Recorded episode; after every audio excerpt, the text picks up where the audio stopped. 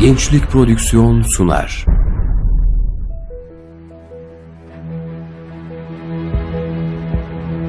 Bizim davamız İslam'dır. Gayemiz Allah'ın rızasını kazanmaktır. Hedefimiz hak nizamını hakim kılmaktır. Arzumuz tüm insanlığın saadetidir. Yolumuz ikna metodudur, cihattır. Bu dava için çalışmak herkese nasip olmaz. İster gecenizi gündüzünüze katarak çalışın, ister yan gelip yatın. Bu hak davanın başarısını ne bir gün öne alabilirsiniz ne de bir gün geciktirebilirsiniz. Bütün mesele bu şerefli davada nasıl bir imtihan vereceğinizdir.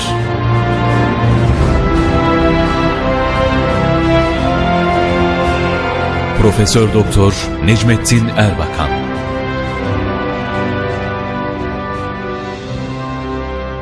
Davam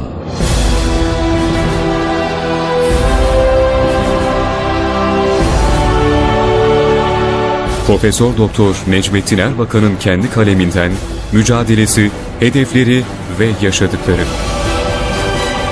Seslendiren Arif Bildirici. Kayıt montaj Ali Güngör.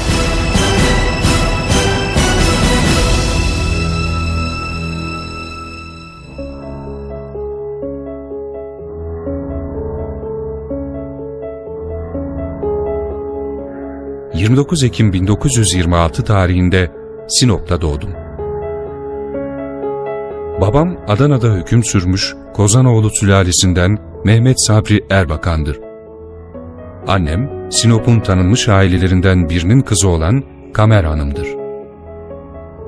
Ağır ceza reisi olan babam, memleketin birçok yerinde görev yaptığı için çocukluğumuz muhtelif şehirlerde geçti. İlkokula Kayseri Cumhuriyet İlkokulu'nda başladım. Babam Trabzon'a tayin olduğundan ilkokulu burada tamamladım. 1937 yılında girdiğim İstanbul Erkek Lisesi'ni 1943 yılında bitirdim. Lise tahsilimden sonra İstanbul Teknik Üniversitesi'ne girdim. Bizim dönemimizde lise birincilerinin sınavsız girme hakkı olmasına rağmen sınava girmeyi tercih ettim. Sınav sonucunda doğrudan ikinci sınıftan başlatıldım. 1948 yılı yaz döneminde mezun olur olmaz, aynı üniversitenin Makine Fakültesi Motorlar Kürsüsü'nde asistan olarak göreve başladım.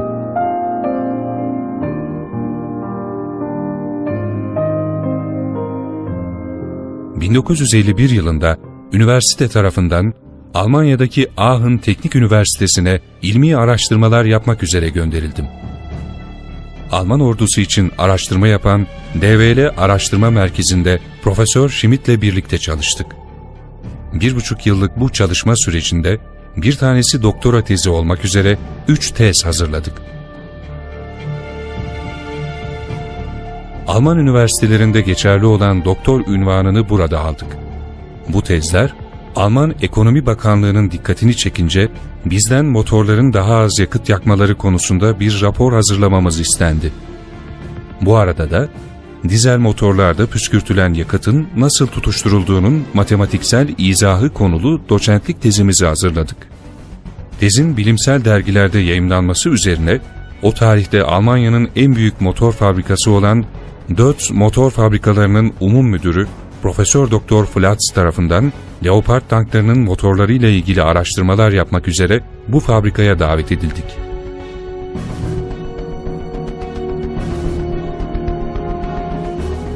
Bizim doktora tezimizdeki çalışma konularıyla ilgili olduğu için orada bize araştırma baş mühendisliği teklif ettiler. Leopard tank motorları, inkişaf bakımından teknik problemleri çok güç olan sorunlu bir motordu.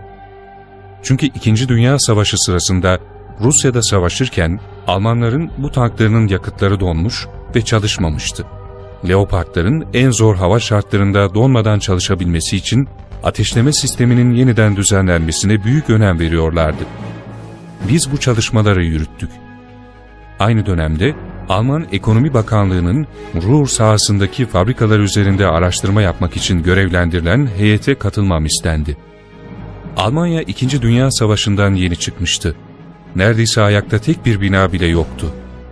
Almanya'da kaldığım bu süre içinde Almanya'daki ağır sanayi hamlelerini ve faaliyetlerini bizzat yerinde görme imkanı bulduk. Bütün bu çalışmalar, Almanya Ruhr sahasında gördüğüm fabrikalar, Türkiye'de de ağır sanayi hamlesi başlatılması fikrinin bizdeki ilk kıvılcımları oldu. Yerli bir motor sanayi kurmanın ve tamamen yerli olan fabrikalara sahip olmanın, Türkiye gibi yoksulluktan yeni çıkmaya çalışan bir ülke için ne kadar önemli ve gerekli olduğunu anladım. Milli ağır sanayi fikri o günden sonra milli görüş davasının en önemli hedeflerinden biri olarak hayatımızda yer aldı. Almanya'daki çalışmalarımız sırasında bizi etkileyen ve üzen bir olay da şudur. Biz o fabrikalarda bir yandan çalışıp bir yandan araştırmalar yaparken Türkiye Ziraat Donatım Kurumu'nun Alman fabrikalarına verdiği motor siparişlerini gördük. Bu görüntü bizim Türkiye'de bir milli motor sanayi kurma kararlılığımızı iyice pekiştirdi.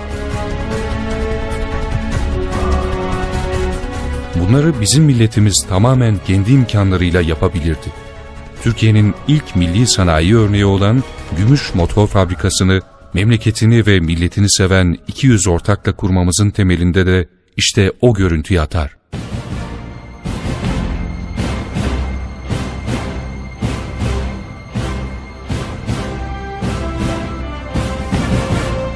Elbette sanayileşme davası kolay bir mücadele olmadı. Gümüş Motor Fabrikası kurulurken ülkede önemli hadiseler yaşandı. Fabrikanın kurulmaya başlamasının ardından iki büyük devalüasyon oldu. 2 lira 80 kuruş olan bir ABD doları 9 lira 20 kuruşa yükseldi. 6 milyon lirayla kurmayı planladığımız fabrikanın maliyeti 25 milyon liraya çıktı. Fabrikanın arkasında bir banka, bir finans kaynağı olmadığı için aradaki mali farkın sağlanması o yılların şartlarından dolayı binbir çeşit müşkülat oluşturdu. Ama bu zorlukları fabrikada çalışan insanlar gece yarılarına kadar çalışarak, bazen hiç aylık almayarak kendi gayretleri ve fedakarlıklarıyla aştılar.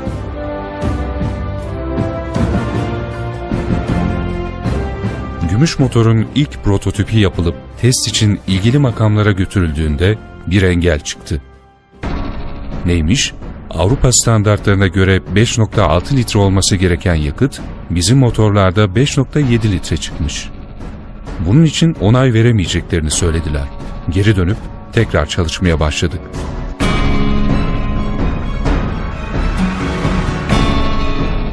Gümüş motoru Avrupa standartlarının dahi altında saatte 5.5 litre motorin harcar hale getirdik.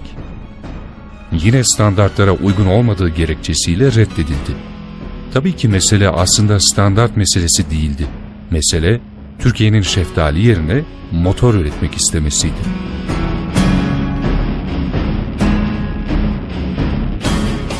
Gümüş motor, yöneticilerinin, ortakların ve çalışanların gayretiyle bütün engelleri aşarak Mart 1960'da seri üretim yapmaya başladı. Ama bu sefer de dumping engeli çıktı.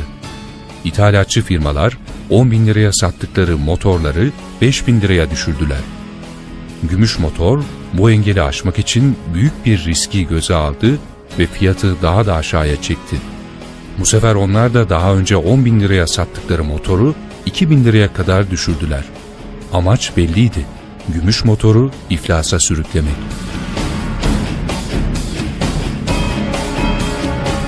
Montajcı zihniyet, gümüş motordan Türkiye'nin yerli ve milli bir motor üretmesinden rahatsız olmuştu. İthalatçı firmaların hemen tamamı da azınlıklara mensup mümessillerdi. Gümüş motor, bu milletin sanayileşme davasında gerçekten çok mühim bir hamledir. Düşünün ki 1956 yılında bir fabrika kurulmuş, bu fabrika yerli motor imal etmiş. Daha da önemlisi, bu milletin her türlü sanayiyi başarabileceği inancını ortaya koymuş. İşte asıl büyük kaynak ve hamle budur. Çünkü aynı yıllarda düzenlenen otomobil kongresinde biz şeftaliden başka bir şey üretemeyiz diyenler vardı. Ama biz o kongrede kürsüye çıkıp işte motor üretildi diye gösterince hepsinin sesi kesildi. Bu ilk sanayileşme mücadelemizde elbette rahmetli Mehmet Zahit Kotku hocamızın nasihat ve tavsiyelerini unutmamız mümkün değildir. Kendileri ülkemizde ilk yerli motorun üretilmesi için çok büyük bir teşvikte bulunmuştur. Hoca Efendi, sohbetlerinde sürekli milli sanayinin kurulmasının öneminden bahsederdi. Dergahın önündeki otomobilleri göstererek, keşke dış ülkelerden getirilen bu otomobillerin yerine imalat fabrikaları kurabilsek, aç, susuz ülke insanımıza iş imkanı sağlayabilsek derdi.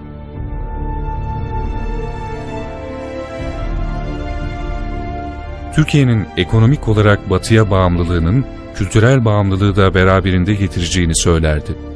Şuurlu Müslümanların kalkınma için birleşmelerini, güçlerini bir araya getirmelerini tavsiye ederdi.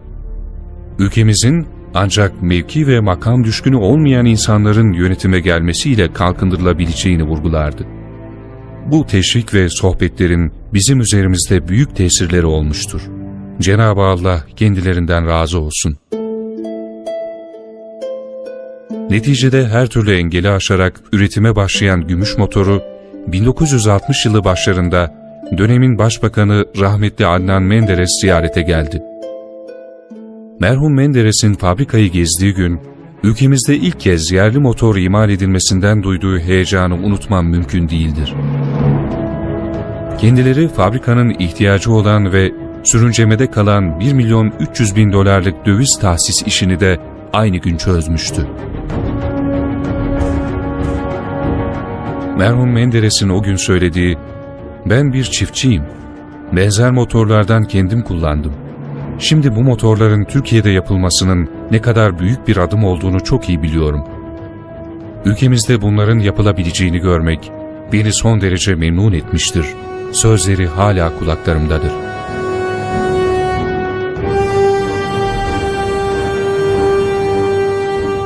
Biz memleketini, vatanını seven insanlarla milli motor mücadelesini verirken aynı yıllarda Amerikan Marshall Fonu'ndan gelen yardım paralarıyla makine, gemi, tayyare, traktör, otobüs, kamyon gibi motorlu vasıtalar ithal edilmesi ilginç bir tezattı.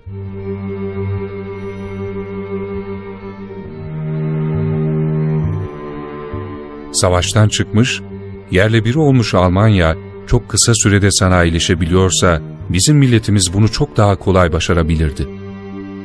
Ama bugün olduğu gibi dün de Türkiye'nin sanayileşmesini, gelişmesini istemeyen güçler vardı. O yıllarda kredileri Odalar Birliği paylaştırıyordu. Bu kredilerin hemen hemen tamamına yakını İstanbul'daki büyük ithalatçılara veriliyordu. Örneğin 20 milyon dolarlık yatırım kotasının 19 milyar doları İstanbul'daki ithalatçılara giderken sadece 1 milyon doları Anadolu'ya kalıyordu.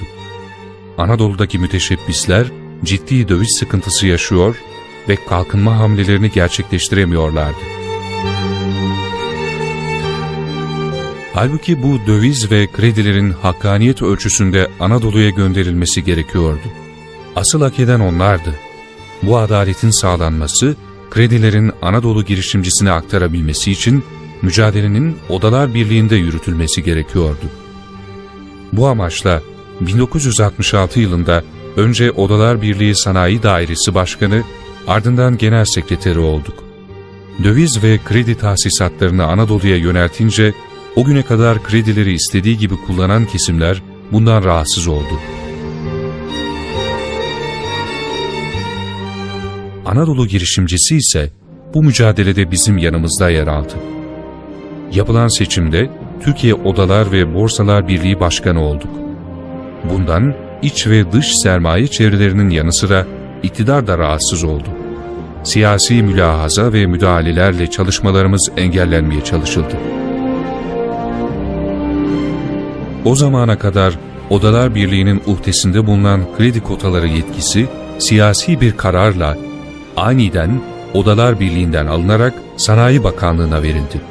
Ancak biz milletimize hizmetten geri duramazdık. Madem siyasi bir kararla bu yetki bizden alınıyor, biz de o zaman siyasete girer, mücadelemizi orada veririz dedik. Milletimize hizmet için yeni bir yola çıktık.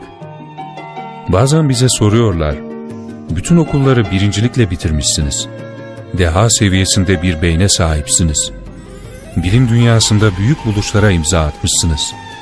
Bir bilim adamı olarak kalıp ilmi buluşlara imza atsaydınız, insanlığa böylece hizmet etseydiniz daha iyi olmaz mıydı diyorlar. Bizim cevabımız şudur. Bir üniversitede profesör olabilirsiniz. Nobel ödülleri de alabilirsiniz. Ama ülkenizin insanı bugün olduğu gibi açsa, sefalet ve zorluklar içerisindeyse, dünyada 300 bin çocuk yoksulluk içinde açlıktan ölüyorsa, sizin Nobel ödülleriniz ne işe yarar?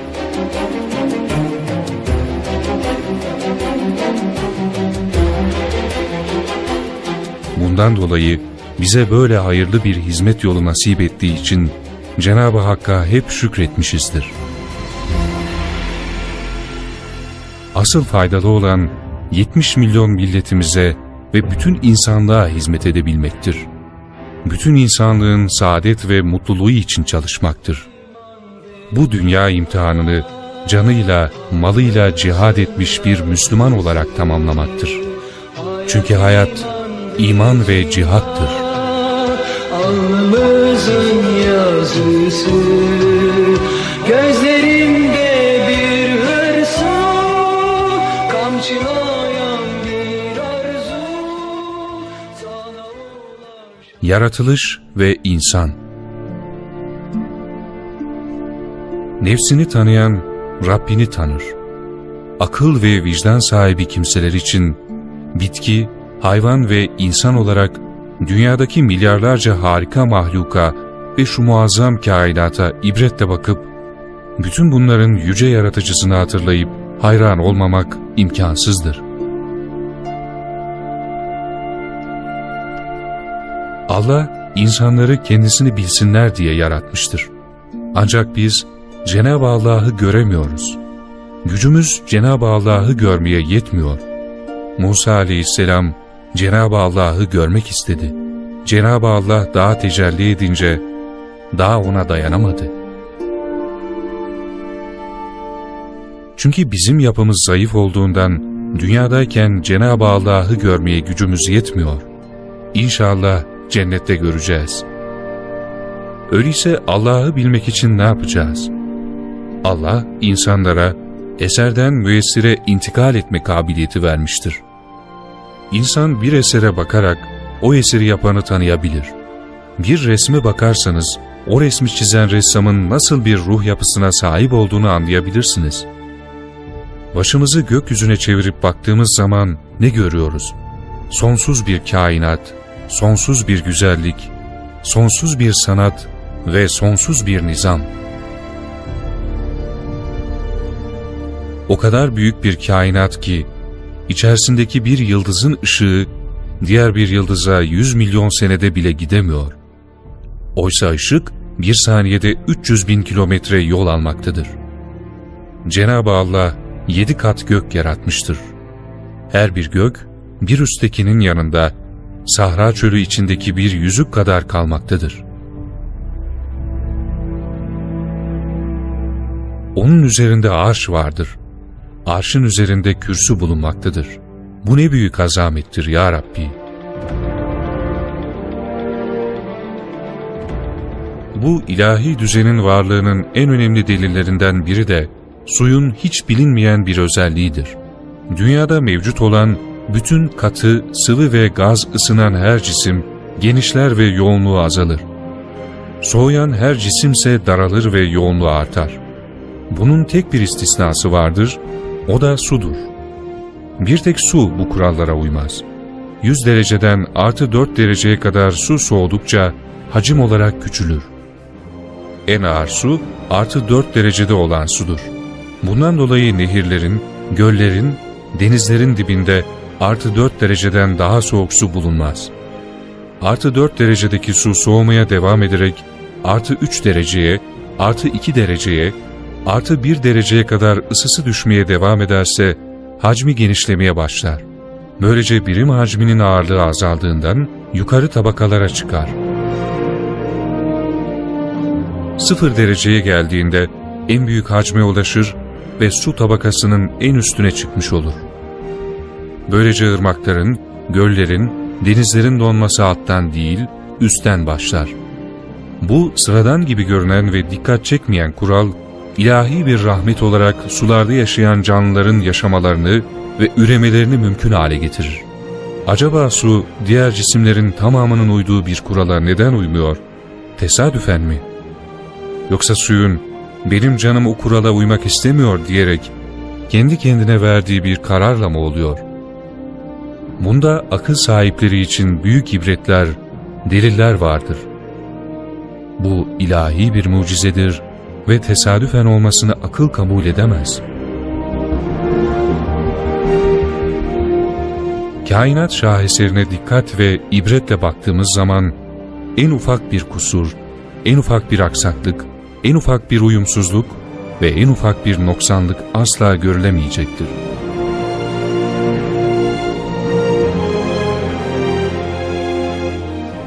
Bu kainatın yaratıcısı da elbette her türlü kusurdan münezzeh olan sonsuz kemal sahibi Rabbimizdir. Rabbimiz her türlü hatadan ve noksanlıktan münezzehtir. Sonsuz kudret ve rahmet sahibidir. Sübhanallah, Ya Rabbi, sen her türlü hatadan ve eksikliklerden münezzehsin demektir.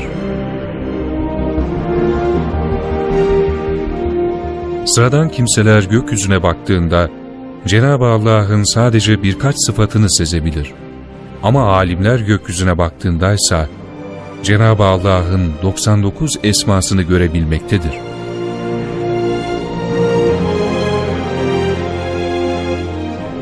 İnsan nasıl bir varlıktır?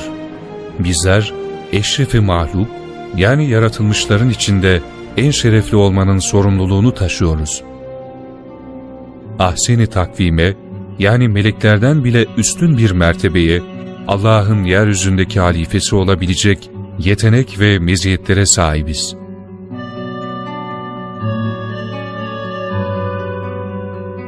Unutmayalım, insanı hayvanlardan ayıran ve faziletli kılan bazı özellikler vardır. Bunlar, doğruyla yanlışı ayırma, bu meziyetten ilimler doğmuştur. Faydalıyla zararlıyı ayırma, bu meziyetten ekonomi doğmuştur. Adaletle zulmü ayırma, bu meziyetten siyaset ve hukuk doğmuştur. Güzelle çirkini, iyi ile kötüyü ayırma, bu meziyettense ahlak ve sanat doğmuştur. Mesela milyonlarca senedir bir kedinin parkta yürürken aniden durup bir çiçeği kokladığına ve ne güzel bir çiçek, ne kadar şaheser bir güzellik diye baktığına şahit olunmamıştır. Neden? Kedi güzellik nedir, sanat nedir bilmez de ondan. Bu dört şeyi idrak edip ayıramayan, yanlıştan, kötüden, zarardan ve zulümden yana olan, gerçekte değil, görünüşte insandır.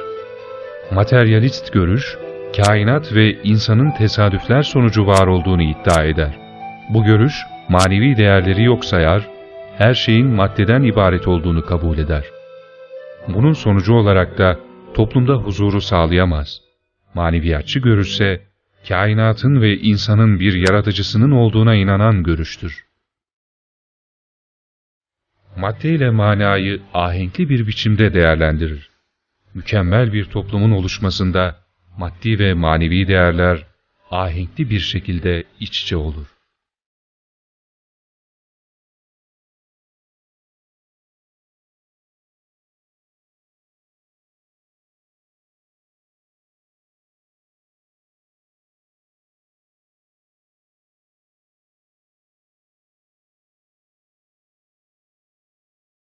Davam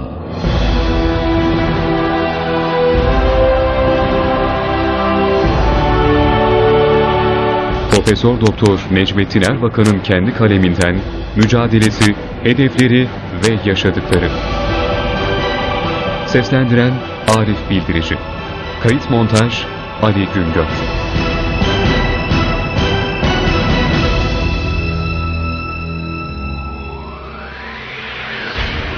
Gençlik Prodüksiyon sundu.